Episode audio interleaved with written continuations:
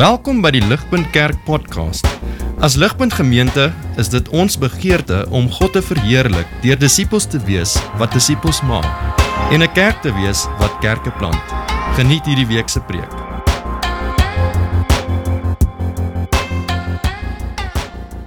So ek weet nie of julle al ooit gewonder het wat sal jou laaste woorde wees? Sê nou jy lê op jou sterfbed en jou familie is hier rondom jou, wat is die laaste ding wat jy sal sê?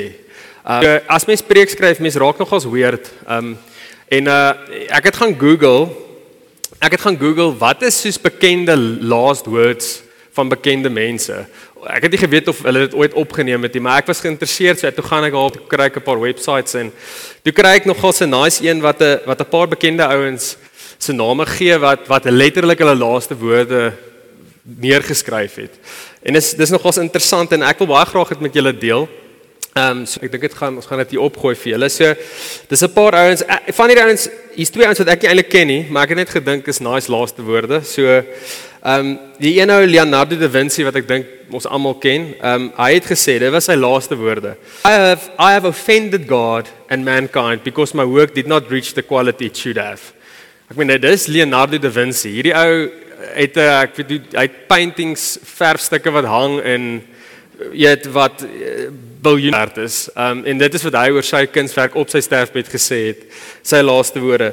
Dan is daar ou met hom Buddy Rich. Ek dalk is hy bekend vir vir ouens wat bietjie ouer as ek is, maar um hy da, hulle gee 'n bietjie konteks. Hulle sê Drummond died after surgery in 1987. As he was being prepped for surgery, a nurse, a nurse asked him, dis wat sy vra, "Is there anything you can't take?" En toe sê hy, "Yeah, country music." Ek weet nie of dit Amerikaans sê yeah of yeah, is 'n yeah country country music. Dit was sy laaste woorde gewees. Um Winston Churchill het gesê nou sy laaste woorde is op sy sterfbed, "I am bored with it all." En dan 'n ou wat ek ken, sy naam is Joseph. Sy laaste woorde is dictionary. Nou hy sit hier met sy familie, hulle almal is rondom en hy sê dictionary.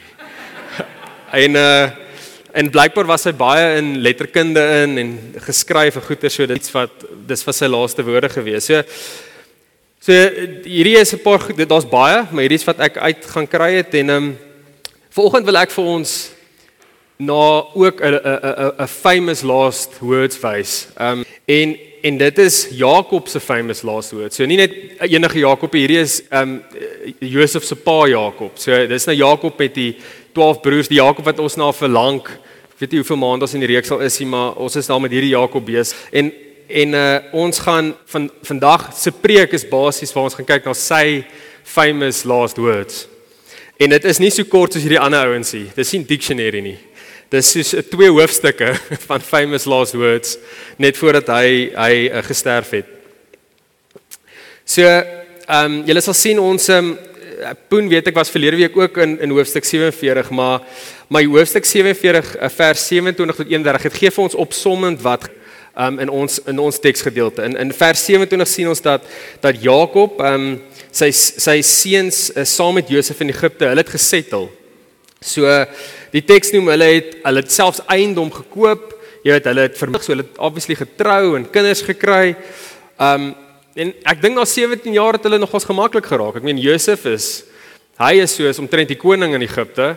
Um so sy broers natuurlik doen baie goed want sy broer is en Josef is is daar in beheer en hulle is besig om te settle en en ons sien hulle was 17 jaar daar gewees en en ek weet ja en na 17 jaar toe's Jakob op sy toe sy op sy einde, toe sy op sy laaste. En en soos wat hy op sy sterfbed is, het hy vir Josef ingeroep om mee te praat. En dan en dit is asof die hoofstuk 7 47 dis asof na al die narratiewe, die hele storie van Josef wat ons al gekyk het, dis asof hulle daar afsluit. En hy settled in Egypt and they lived happily ever after. Maar maar dan in hoofstuk 28 tot 29, dis asof dit 48 tot 49 jammer. Dan sit asof hulle in double Cledia se blou stukkie wat jy kan sê vir jou meer van dit. En hulle gaan hulle gaan in die gesprek wat Jakob met Josef en sy broers gehad het. Um en dit is wat ons gedeelte dan doen. Dit is dit dit fokus spesifiek wat het gebeur daar toe Jakob met Josef, sy seuns en met sy met sy met sy ander seuns gepraat het. Um en dit is dis dan ons twee teksgedeelte en en ons gaan dit in twee dele opdeel, net in twee dele. Ons gaan Jakob um se famous last words spesifiek aan Josef en Josef se twee seuns, um Man Manasse en dis sy twee seuns. So dis die hele eerste hoofstuk 48 hanteer dit. Um en dan die tweede gedeelte van sy famous last words is Jakob se famous last words aan Josef en sy broers. En ons gaan spesifiek daarna kyk en dan is in in hoofstuk 49. So dis lang teksgedeelte, so ek gaan vinnig vir ons deur dit draf dat ons kan verstaan wat hier aangaan en dan gaan ons 'n bietjie verder praat oor spesifiek hoe dit by Jesus uitkom en wat dit dan vir ons beteken. So, so kom ons kyk eerstens na, na hoofstuk 48. Ons sien daar dat jy Jakob ehm um, hy praat spesifiek daar met met Josef en Josef se seuns. Dis wat ons daar sien. Josef Josef het gehoor dat sy pa hy sy pa's baie siek Ehm um, hulle het natuurlik vir jou weet hoor jou pa jou pa gaan dit nie jou pa's op sy einde jy beter kom. Ehm um, so Josef gryp toe sy twee seuns Manasse en Efraim en hulle gaan toe na na Jakob toe. Die teks sê dan vir ons oor Jakob toe hulle daar aankom. Hy sê hulle sê ehm um, hulle noem hom Israel maar dis Jakob. So hulle sê Israel rallied his strength and sat up on his bed. Nou onthou Jakob is dodelik siek hier. Jakob is uit. Hy hy hy's op sy sterfbed en hy kry sy laag om te kan regop sit.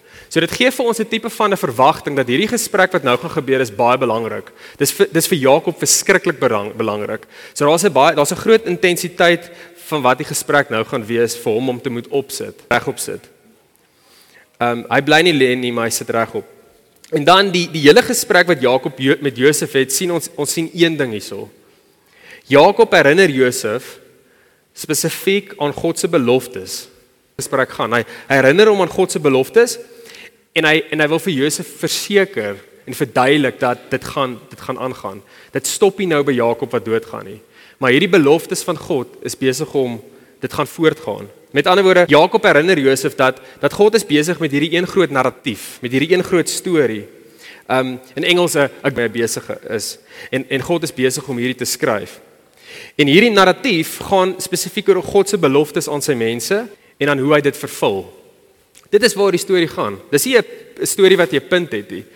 Daar's 'n punt aan hierdie storie. Dit gaan oor God se beloftes wat aan sy mense maak en hoe hy hierdie beloftes gaan nakom en vervul. Wat tot nou toe met met alles wat ons gesien het, het daar het baie al gebeur in hierdie verhaal van van Josef, die laaste klomp weke. Ons het ehm um, daar's baie mikrostories. Ek meen ons het uh, al baie gesien. Ons het gesien hoe Josef voorgetrek was. Hy het hierdie nice uh gekleurde kleed wat hy uh, baie trots op was. Um ons ons sien hoe sy broers jaloers hom in 'n gat gegooi het en en uiteindelik het sy broers hom verkoop in slawerny. Dis baie erg, nê? Nee? Um hulle verkoop hom in slawerny. Hulle vat hom Egipte toe. Josef gaan deur baie erge goeie sy dis asof hy in 'n beter plek kom en dan en dan kom hy in die moeilikheid af val hy terug. Hy's in die tronk en uiteindelik het God hom uit dit uitgekry en hy beland in 'n magsposisie ons het ook gesien die droogte wat gegroot droogte en hoe uiteindelik na baie jare het het Josef se broers gaan kos soek in Egipte. En daar kry hulle vir Josef en en uiteindelik herstel hulle verhouding en hulle trek Egipte toe en en gaan gaan bly daar met Jakob en en Benjamin in die klomp. So so ons het nou al baie mikrostories gesien, maar dis asof op op Jakob se sterfbed, dis asof hy perspektief kry. Dis asof hy uit hierdie mikrostories uit beweeg. Hy kyk terug en hy besef daar's 'n groter storie aan die gang. Daar's 'n groter narratief aan die gang. Dis asof hy besef God is besig met iets groot deur al hierdie mikronarratiewe, deur al hierdie mikrostories. Dit laat my dink ons het die vakansie nou, ehm um, ons was by my suster hulle bietjie gekyk. Toe my suster se fotoalbums uitgehaal en toe sien ek my pa in sy 20's wat gras sny. En ek kon nie glo nie, maar hy's so op die gras snyer en um en my pa is 'n ernstige ou. Ek my hy lyk asof hy 'n komediant was en so en en jy kon nie help soos wat jy aanblaai om te sien hoe die tyd aanbeweeg het en en die storie en, en my pa's nou al in sy 60's. Um en ewe skielik kry mens perspektief.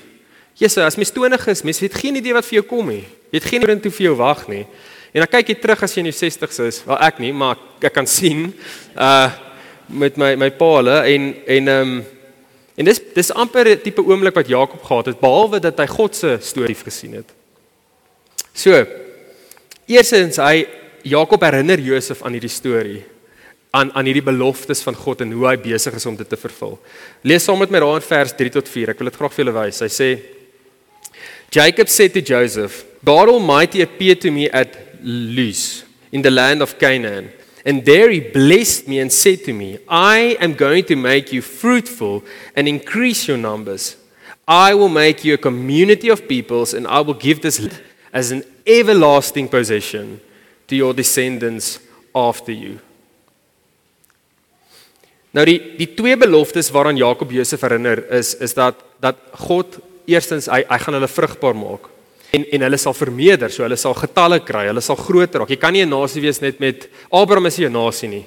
Weet Isak is nie 'n nasie op sy eie nie. Jakob en sy broers is selfs nie 'n nasie nie. Maar hy beloof hulle sal 'n nasie word. Hulle gaan groter word. Hulle gaan meer word. So hy herinner vir Josef daaraan en dan tweedens hulle van God. God beloof dat hy vir hulle everlasting possession van land gaan gee. En hy herinner um Josef dat daai is God se narratief. Dit is die belofte van vervuldiging en die belofte van 'n plek. Ek meen jy het 'n plek om in nodig om in te bly as jy so groot nasie is. So hy beloof hulle land.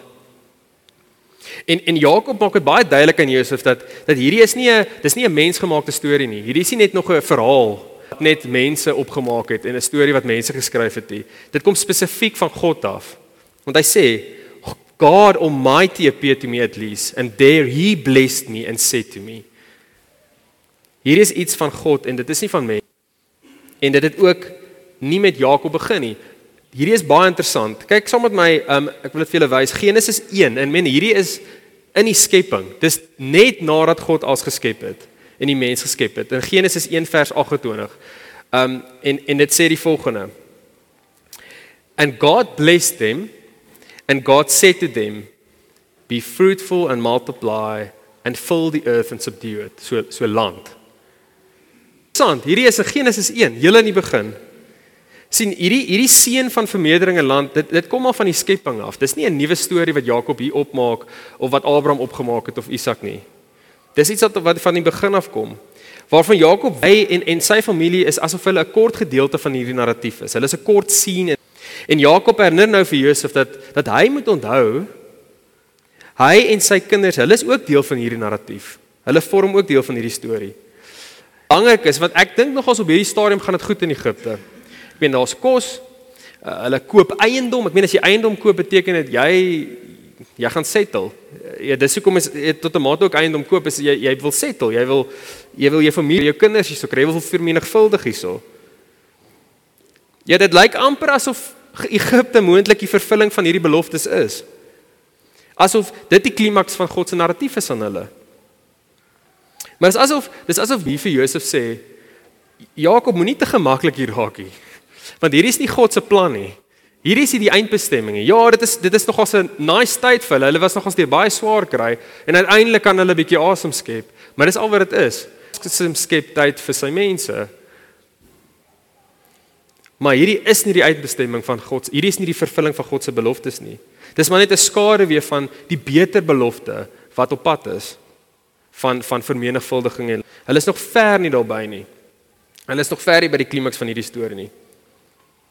Jakob maak dit daarom ook duidelik aan Josef dat dat die beloftes van God dit dit stop nie met Jakob nie.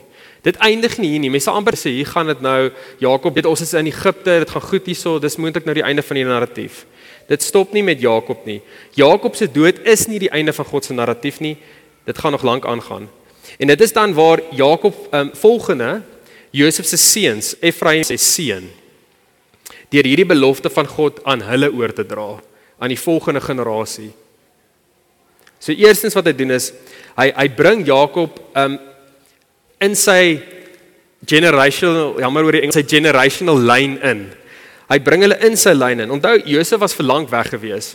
Josef het moontlik bietjie meer Egipties geraak as wat hy Jood was. Hy hy het moontlik jy weet daai ver wat hulle op die oë het en die goeters op sy kop um, jy het eintlik al 'n familie begin in Egipte. Hy was vir baie lank weg uit die gemeenskap van sy broers en sy pa. En en, en dis asof Jakob nou in vers 5 sê en dis wat hy sê in vers 5. Your two sons born to you in Egypt before I came to you here be reckoned as mine. Hy bring hulle in terug in sy familie. En dan tweedens, volgens vers 9 het Jakob hulle hy het hulle fisies geseën. Hy sê daar in vers 9, bring them to me them. En en hierdie is 'n oomblik. Ek weet dink aan oupa hier's dalk 'n paar oupas se oumas, dink aan jou kleinkinders wat op jou skoot sit en ja, dis 'n dis 'n baie spesiale oomblik hierdie. Vers vers 10 sê Now Israel's eyes were failing because of age and he could hardly see. So Joseph brought his sons close to him and his father kissed them and embraced them. So hulle is op sy skoot, hy druk hulle, hy's lief vir hulle, hy hou hulle vas. En en Josef kniel toe voor sy pa, neem sy twee seuns byderhand sodat sodat Jakob hulle kan seën. So wat Jakob te doen is hy hy sit, hy sit sy hande op op op die twee seuns se koppe. Ehm um, jy het net soos wat al met sy seuns en soos wat Isak met sy seuns gedoen het. Jy weet, ehm um, maar maar wat interessant is hierso is soos wat hy sy hande op hulle koppe sit, hy kry sy sy hande. Hy kry sy hande wat en en hy sit sy regterhand op Efraim se kop en sy linkerhand op Manasse se kop. En hierdie is merkwaardig want Manasse is die ouer seun, Efraim is die jonger seun. En die ouer seun was die een wat altyd die die beter kant van die seun gekry het. Um jy het en en wat hy doen is hy ruil dit om. Hy ruil dit om. En en is nie die eerste keer wat dit gebeur nie. Dit het ook met Jakob self gebeur. Hy was die jonger broer gewees. En en Josef, as jy lees is dit eintlik nogal snaaks. Hy sê nee pa, pas verkeerd. Ehm um, pa kan nie sien nie. Ehm um, pa hierso, dis so om en hy sê toe vir Josef, ek weet wat ek doen. Ek weet presies wat ek doen. So hier's 'n baie belangrike op wat wat ek net vinnig wil maak. Ons dink soms God gebruik net die sterkstes vir sy narratief, vir sy om sy beloftes te vervul. Die beter is, ons moet eers uitgesorteer wees. Ons moet nie onsself op 'n sekere plek kry voordat God ons kan gebruik. Wat is hier is dat God gebruik eintlik gereeld die swakkes. Hy gebruik gereeld die die een wat die verwagting op die minste is om enigiets groot te bereik. God gebruik gereeld swak as die hoofkarakters in sy narratief waar hy sy beloftes vervul. En dit is 'n interessante observasie om hier te maak oor God se hart, wie hy is en wat hy doen. So, Jakob nou sê, ehm um, Josef se seuns geseën het. Dis klaar. Toe vra hy vir Josef, "Oor jy gaan roep jou broers. Ek wil met jou broers ook praat." So hulle is buite dat uh, Jakob hulle inroep en en hulle kom in en, en dis 'n klomp broers, nê. Nee, ek meen met gesluit is daar 13 broers. So hier's 'n klomp ehm um, mans, 'n uh, uh, broers wat nou in die in die kamer staan met hulle pa um, en hy wil met hulle praat.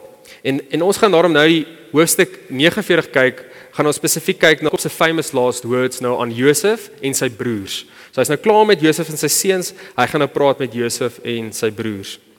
So kyk vir my saam met my daal hoofstuk 49. Verse vers 1 sê die volgende. Then Jacob's sons and he said, "Gather around so I can tell you what will happen to you in the days to come." Okay, so uh, Jakob gaan dan aan om om om elke tipe is asof hy profesie oor elke broer uitspreek oor hoe hulle lewe gaan uitspeel. Um en interessant as jy as mens spring na vers 28 toe, dan sien ons eintlik dis 'n vorm van seën. Hy noem dit spesifieke seën. Um dit sê and and this is what their father said to them when he blessed them, giving each thing appropriate to him. En dan wat ons sien is, is hy begin spesifiek by die ouer broer en dan werk hom so deur tot by die jonger broer. Um en, en julle gaan sien dit so toe ek dit eers keer lees, ek sê wat op aarde gaan nie aan. Soos wat moet mense hier sien mense hier uitkry. So ek wil net vinnig vir ons deur elke broer draf. Net vinnig dat ons net verstaan en sien wat by elke broer hier gebeur. Dit is nogals belangrik. So eerstens Ruben, um dit is nou Jakob se eersgeborene. Hy word beskryf as wat krag het. Onthou hy is die eerste seun. Hy sy pa se trots, sy eerste, sy oudste. Maar maar Jakob beskryf hom asof hy half ruggraatloos is. Uh, hy noem hom hy is turbulent like the waters. Hy is iemand weerwig. Hy hy maak nie 'n standpunt nie. Hy staan nie vas nie. Hy gaan maar soos goed. En ons het dit gesien ook met Josef toe hy in die put gegooi was, hoe hy nie opgestaan het en vir sy broers gesê het hierdie is nie reg nie. Daarom gaan hy stagneer. Hy is asof hy net hy gaan net nie kan vorentoe beweeg. Hy gaan jou average ou wees. Simeon en Levi word beskryf as hierdie fighters. Dit hierdie hierdie is nou jou ouens wat jy wil as jy in 'n fight is, dan wil jy hulle by jou hê. Hierdie ou fighters, maar hierdie is nie die ouens wat jy na toe wil gaan as jy 'n counselling probleem het of 'n issue het in in jou huwelik of jy het hierdie ouens gaan jou niks help nie. So bly weg. Maar as daar fighters erns, jy's dis die ouens wat jy wil kry, dis die ouens wat by jou wil hê. Hulle gaan so geskatter wees oral. So hulle is daar oral besig om fights te maak en goeters. So, verbeel jy Simeon en Levi, dis nogals nie 'n lekker ding om te hoor nie, maar maar dis dis dis vir julle is. Dan praat hy oor Juda en en uh, dis nogals 'n belangrike uh, beskrywing hier want Juda word beskryf as hierdie een met autoriteit. Hy het hierdie mag, hy het hierdie krag. Hy beskryf hoe hy hy sal die nasies met sy greep op hulle nek afhou. Um hy hy word ook beskryf as hierdie een met koningskappe. Hy's hy's hierdie een met koninklike eienskappe en hulle beskryf hom al as 'n leeu. Um En uh en en en dis Juda en en, en onthou vir Juda want dis nog 'n belangrike persoon om te onthou as mens as mens vorentoe dink aan aan hoe hierdie beloftes van God uitspeel. Zebulun, hy is die broer wat wat see toe gaan. Hy love die see. Hy wil visvang. Hy is 'n tipiese Weskusklong as jy in Suid-Afrika was. Hy wil daar by die kus wees in uh in in Lammersbaai en um en en in die bote en die goeters. Dis hy hy hou van die see. Isasgar um hierdie eh, hy word vergelyk met 'n donkie. Ek weet daar's 'n gesegde wat sê donkies is dom of so dom soos 'n donkie, maar eintlik donkies was was um, beskryf as iets wat dis hard werk. Donkies was letterlik die hardwerkendste dier in daai tyd wat gebruik was vir vir werk. So hy was Isasgar self was 'n hardwerkende ou gewees. Hy het klip hard gewerk. Dan hy is die e, e, een wat regverdigheid hy is 'n uh, jou tipiese prokureur. Ehm um, hy slinks, hy slim, hy irriteer mense want niemand kan wegkom met enigiets want hy's heeltyd daar besig om ouens uit te vang en en en goeters. Uh Gad Gad het nog ons hartseer toekoms. Hy hy's 'n van misdade. Mense steel heeltyd by Gad. Ehm um, maar hy is hard so stande. Hy is die heeltyd hy gaan heeltyd terug. Hy beklei heeltyd terug. Hy krvat heeltyd terug. Ehm um, so hulle kry ook nie hulle word nie ontslaaf van hom nie, maar hulle het dit van hom. So uh, dit is nie 'n lekker lewe nie. So dan Asher, Asher word hier beskryf, hy maak goed kos. Hy is jou tipiese um, Jamie Oliver in vandag se tyd. Ehm um, so hy hy hy is die een wat wat seker maak dat weet God se mense eet lekker. Ehm um, dan is daar uh, Naftali wat hy mooi hy maak mooi kinders. Weet, hy kry hy kry mooi kinders. Ek weet nie of die ander ouens se kinders dalk lelik is nie, maar Ehm um, Natalie is nodig hy ons met te uiteindelik te te lelik lykies. hy kry mooi kinders. Dan uh, beskryf hulle Josef as hierdie standvaste een. Josef is die vertrou en glo in God. Hy as jy by hom is, is daar voorspoed. Ehm um, dit gaan goed met jy by Josef is. En dan laaste, Benjamin, hier is wel interessant geweest. Benjamin is hy word beskou as as iemand wat spring op geleenthede. Hy's ook 'n tawwe ou. Ehm um, hy spring op geleenthede en ek dis vir my want ek sien hom heeltyd nog deur julle as hierdie rooi wang seentjie wat almal wil beskerm. Ja, sin hier ewe skielik is sy toekoms is hierdie ou wat op geleenthede spring, is 'n tawwe ou. Hy fight vir wat hy wil hê. Ehm um, so ja, so dis dis die dis die broers. Dit is vir sy broers sê. Ehm um, en dis hulle almal opgesom. So so ek kan nie lank stil staan by elkeen nie, maar wat baie interessant is is dat ons sien dat uit hierdie 12 broers kom die 12 stamme van Israel. Stamme van Israel kom uit hierdie 12 broers uit. Ons sien dit daar in begin vers 28. Dit sê all all these are the 12 tribes of Israel. So wat wat spesifiek gaan hier aan? Uh, hoe hoe maak ons sin hiervan en wat is die punt? Wat is die punt hierso? So so hier is die punt. Wat Jakob besig is om te sê is is dat dat die beloftes van wat God gemaak het aan Abraham en Isak en Jakob, dis besig om te begin voete kry. Dis om te begin gebeur. Ons is besig om te begin sien dat Israel is besig om te begin vermeerder, meer te raak. Um die 12 stamme sien ons uiteindelik is Israel op 'n stadium en rigters veral sien ons dis die hulle bestaan uit die 12 stamme. Hulle is in die beloon hierdie 12 stamme. So hy wat hy sê is is ouens kyk God is besig om sy sy beloftes na te kom. Kyk, dis besig om uit te speel. Dis besig om te gebeur. Want ek dink vir 'n lang tyd het dit gevoel asof niks gebeur nie. Abraham kon nie eens kinders kry nie. Hy het een seun gehad mos op, op vir lang tyd en en en en toe Isak en toe eers met Jakob toe staan 12 broers en in Egipte begin hulle vermeerder en Abraham het oud geraak. Hierdie dit was dit was honderde jare gewees en dit gevoel asof ooit deurkom, gaan hy ooit sy beloftes hou. En dis asof Jakob sê dis dis besig om te begin. Dis besig om te gebeur. Dis besig om voete te kry. En dan ook wat ons hier sien is dat die uitspeel van God se narratief oor hoe hy se vervul, dit kom ook nie in hierdie skoon pakkie nie. Dit is de mekaar, dis messy en dit speel alles uit in hierdie klein mikronarratiewe van stamme van hierdie broers. As jy kyk na al die broers se toekoms dink as met die vers. En daar's baie verskillende stories wat ontwikkel uit elkeen van hierdie broers en stamme uit. So die vraag is, hoe is dit dan moontlik dat God sy beloftes gaan hou met al hierdie klein mikrostorieetjies en diversiteit is? Hoe gaan hy sy beloftes vervul deur dit alles? Hier hier is 'n belangrike observasie wat ons moet raak sien. God se beloftes en die vervulling daarvan is nie afhanklik van die mense aan wie hierdie beloftes gaan. Ek wil weer lees. God se beloftes en die vervulling daarvan is nie afhanklik van die mense aan wie hierdie beloftes gemaak is nie. Die vervulling van God se beloftes, dit hang van homself af. Dit hang van homself af.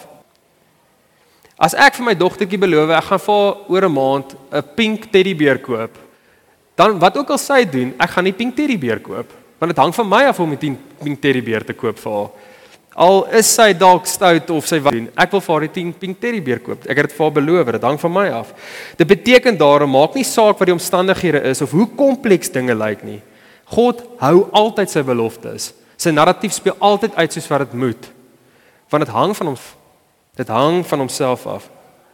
Dit is hoekom die teks noem dat Jakob sy seuns seën, want ek het eers gekyk aan dat ek soos van hierdie is nie 'n seën nie. Dit lyk meer soos 'n vervloeking as as enige iets.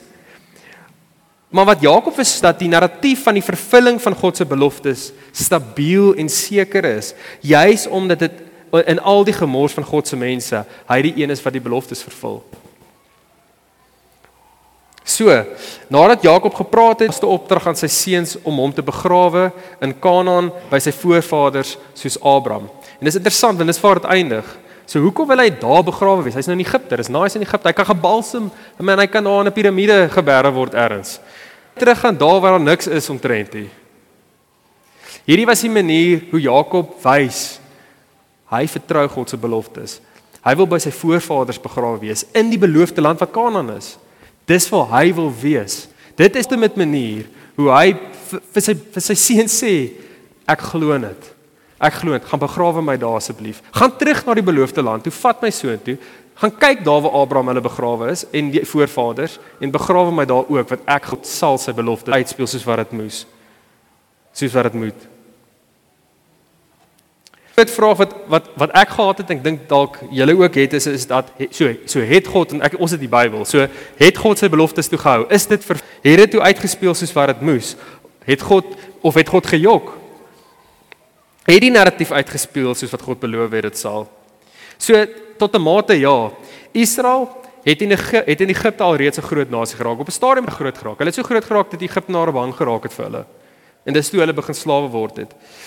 Um, en en ons sien uiteindelik hoe God hulle op het hulle het uit Egipte getrek en hy het hulle identiteit begin gee as 'n mense. Hulle was groot en toe begin hy hulle identiteit gee. Hy maak 'n verbond met hulle. Hy gee vir hulle die 10 gebooie. Hy het selfs vir hulle tabernakel gegee.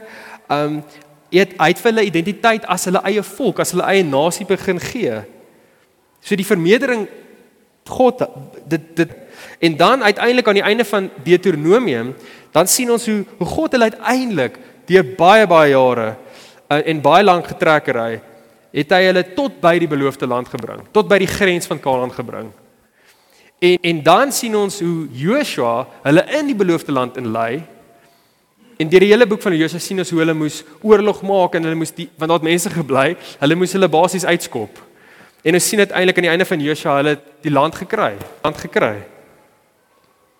En toe uiteindelik sien ons op 'n stadium dat dit het goed begin gaan in die beloofde land. Jy weet, um Israel het die beloofde land gekry. Hulle is nou 'n groot nasie met identiteit gegee het. Um hulle het selfs 'n koning gehad uiteindelik. Hulle het 'n koning gekry, um spesifiek die koning Dawid wat uit die lyn van Juda kom wat interessant is, né? Nee, so so Juda, dit was 'n interessante profesie oor Juda oor hierdie koninklike ou, hierdie ou met mag en krag. Um En ons sien hoe Dawid letterlik soos die vervulling lyk daarvan uiteindelik. So dit lyk op die stadium veral toe Dawid koning is asof dis daar. Hulle het dit gemaak. Hulle is in die, hulle eie nasie, hulle het 'n goeie koning wat hulle lei. Hulle is sterk. God is in die midde van hulle.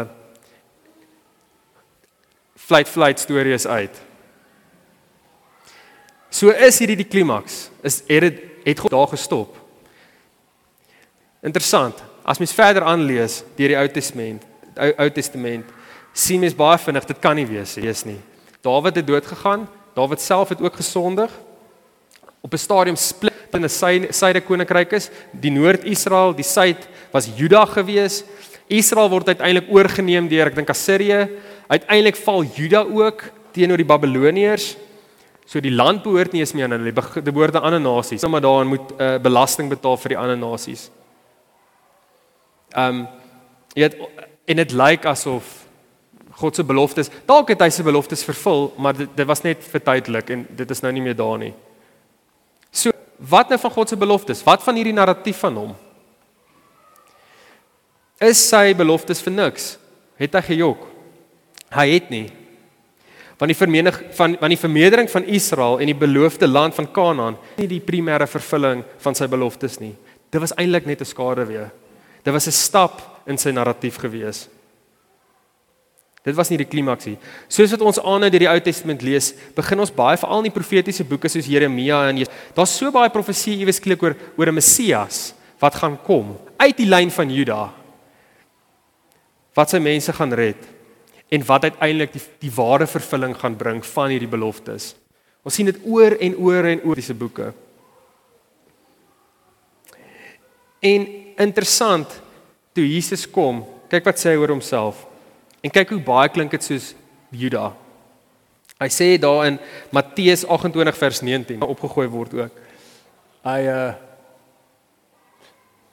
as hy hy sê hier's wat hy sê all authority in heaven and on earth has been given to me.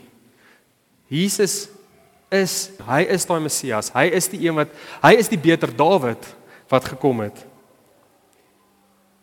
Hy sê basies Jesus sê oor homself, hy's die een oor wie Jakob gepraat het toe hy met Juda gepraat het eintlik. So hier's die narratief van hoe God sy beloftes van 'n groot nasie en land vervul. Dit was nooit net vir Israel bedoel nie. Deur Jesus bring God, hy bring 'n hele nuwe era, 'n nuwe hoofstuk in die narratief.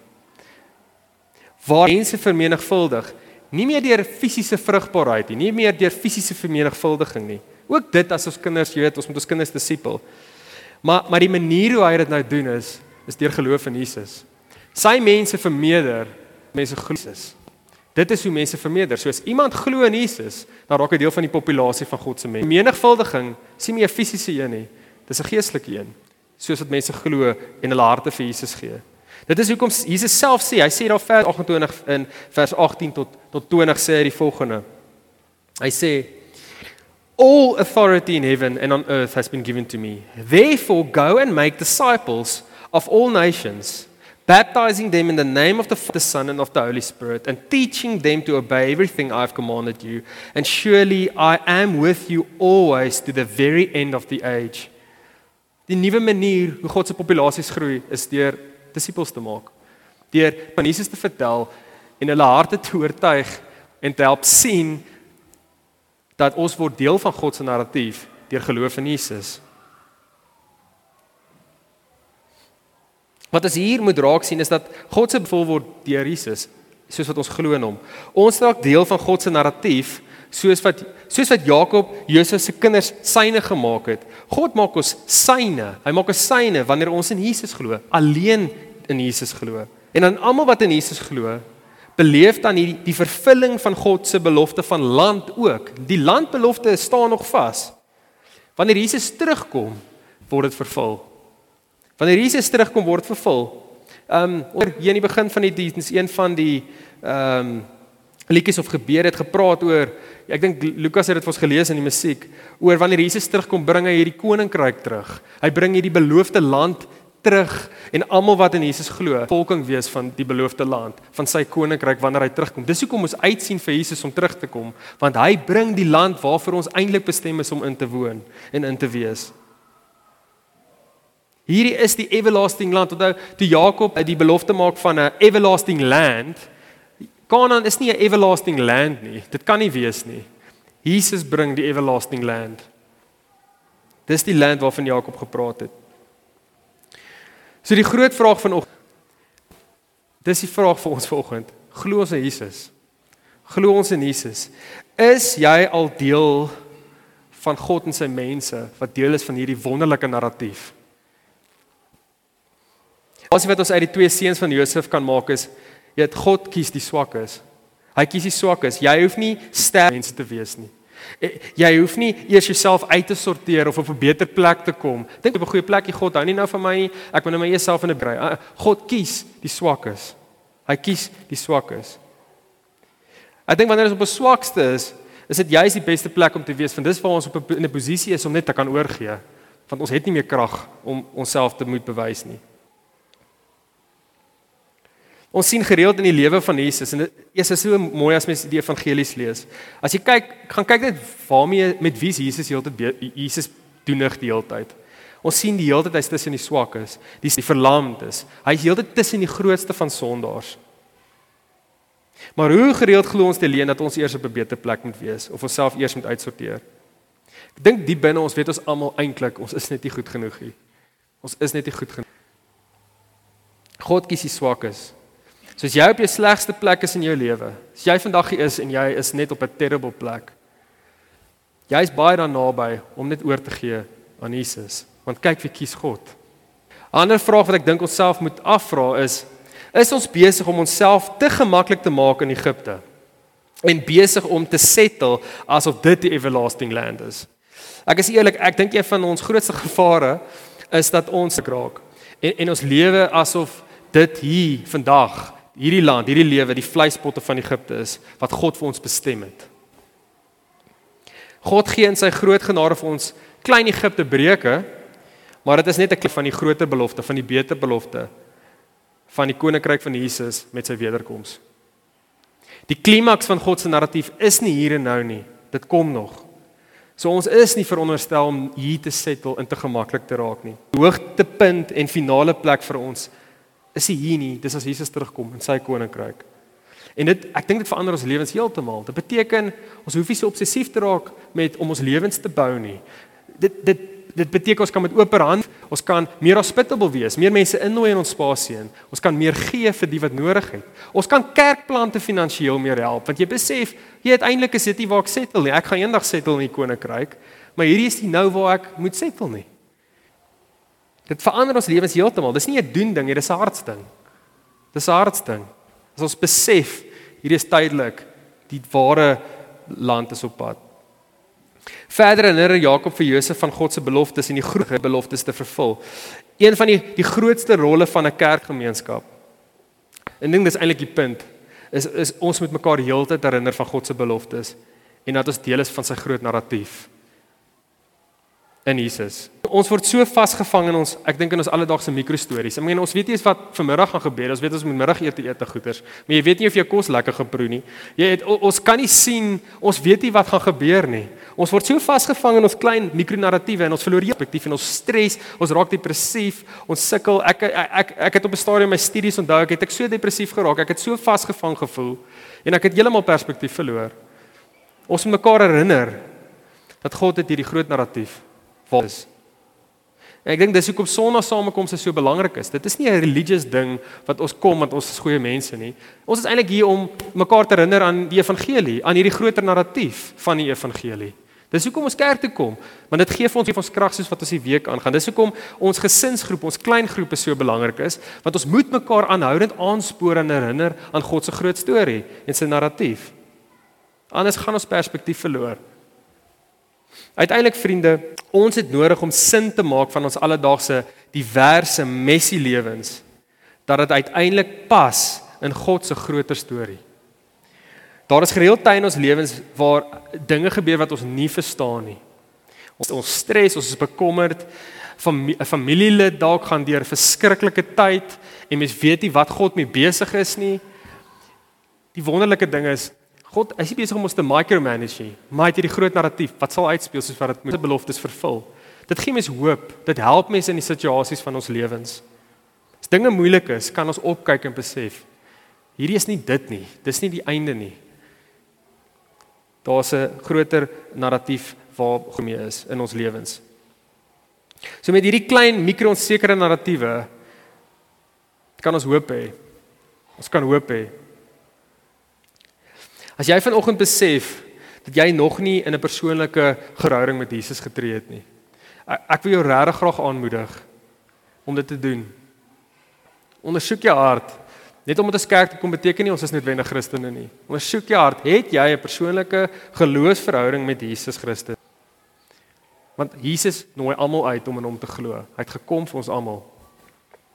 As jy vanoggend jou hart vir Jesus vergee, as jy op 'n plek is jy jy weet nie hoe nie, wees, ek gaan hierso staan as ons klaar is met alles, asseblief kom bid. Um ek het nie noodwendig al die antwoorde nie, maar ek sal graag saam met jou wil bid vanoggend. So kom gerus vorentoe of as daar iets anders is, as jy familielid het wat jy voel sukkel of enigiets. Ek gaan nie ek ek dink my vrou gaan dit moontlik maak, dit hang af waar ons dogtertjie is, maar hulle sou wees en graag saam met saam met julle uh, wil bid. So kom gebid, ek sal hier wees na die tyd. OK, dit kom ons kom ons bid saam. Vader, dankie dat U goed en groot is. U's 'n almagtige God deur alles, deur al die mikronarratiewe van die lewe. Net in beheer is, Here, en het hierdie groot, groot narratief waar U U beloftes vervul. Here, help ons om nie perspektief te verloor nie. Help ons om sien na die komende koninkryk wat Jesus terugbring, net soos wat Jesus opgevaar het kom hy weer terug. Here, help ons om disippels te maak en help ons om mekaar aan te spoor in die geloof. Here Jesus, help ons om net te gemaklik te raak hier op aarde asof dit die primêre klimaks van u narratief en beloftes is nie, Here. Dankie tog vir die breuke wat u vir ons gee. Dis groot groot genade, Here. Maar ek vra dat u vir ons help om vas aan u groter beloftes. Here, help ons om buite onsself te lewe uit onsself te lewe, nie selfsugtig te wees nie, maar om ander te help en te wys dat hulle ook deel van u storie kan wees, Here. Ja, ek ek weet wat kom dat hierdie ehm um, woord van u in ons harte sal weer klink en mag dit ons harte help en aanmoedig. Bid dit in Jesus se naam. Amen. Vir meer inligting oor Ligpunt Kerk, besoek gerus ons webwerf op www.ligpunt.com of kontak ons gerus by info@ligpunt.com